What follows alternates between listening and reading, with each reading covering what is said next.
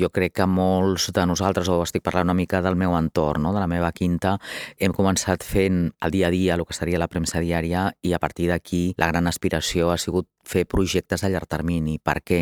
Perquè són treballs que pots fer amb temps, mm, amb una capacitat reflexiva, perquè són treballs als quals pots anar tornant i tornant i tornant, i per tant és una feina de seguiment que mm, jo crec que és imprescindible en el món de, del periodisme i dels mitjans de comunicació, i per tant, efectivament, d'aquí aquesta frase de dir en un moment donat fer una bona foto, i més amb les càmeres que tenim avui actualment, on la tècnica és, és ja l'últim requisit que es demana, no?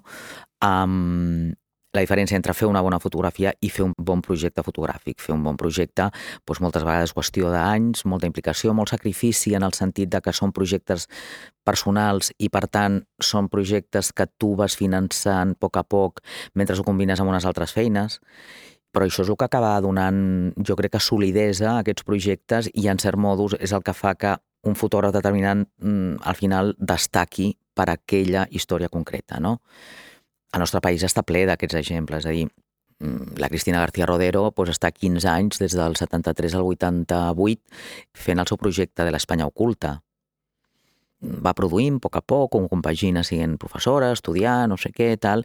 Clar, a l'any 89 presenta el seu llibre L'Espanya oculta, és el boom eh, del moment, el millor llibre de l'any reconegut a Arles, al sud de França, i la Cristina ja salta a un altre escenari, no?, però clar, aquests 15 anys en silenci ningú li va remunerar, ni li van reconèixer, ni res, no?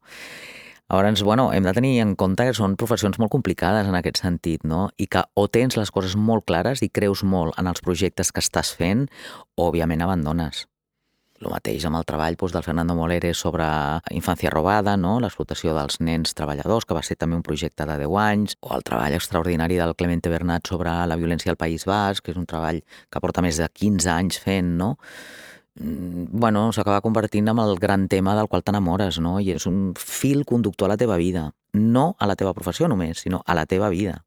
Per mi aquella escena és bestial no només per a mi, perquè és superemotiva, perquè penso, home, jo em poso la pell de l'espectador i deu flipar que aquest home, 14 anys després, perquè jo vaig fer la foto al 91 i aquella escena la vam gravar al 2004, perdó, llavors 13 anys després, se'n recordés perfectament de com va anar aquella història.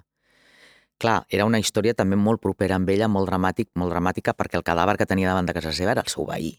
I el seu veí el van matar perquè havia sortit de casa d'aquest amic seu a veure com estava la seva propietat, no? I surt un moment a la nit i el maten. Aleshores, per aquell home, aquell episodi va ser molt traumàtic, no? I per mi ho va ser també per una altra cosa, i és que jo m'havia d'enfrontar a documentar els primers morts que em trobava pel carrer, no? I, bueno, i llavors jo crec que ho explico molt bé al documental, de dir, clar, jo estava dintre el cotxe, morta de por, plovia, no hi havia ningú en el poble, la població civil havia marxat, els tancs allà, els serbis a collar, i buf, i aquell mor en el terra que tu penses que s'aixecarà i et perseguirà, jo què sé, no? Va ser, va ser molt difícil per mi. Però aleshores, el Pol, el meu company, aquest altre fotògraf amb el que vam marxar, clar, em va dir, a veure, o surts del cotxe i fas fotos o te n'atornes a Londres, o sigui, no pots quedar-te paralitzada, no?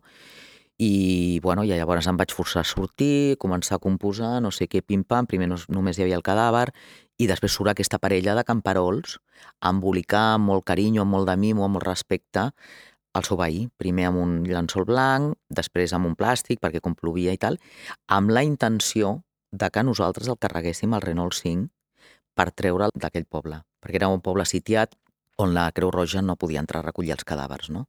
Llavors, l'últim acte de respecte que podien fer pel seu veí era que no quedés tirat a la, a la cuneta, no?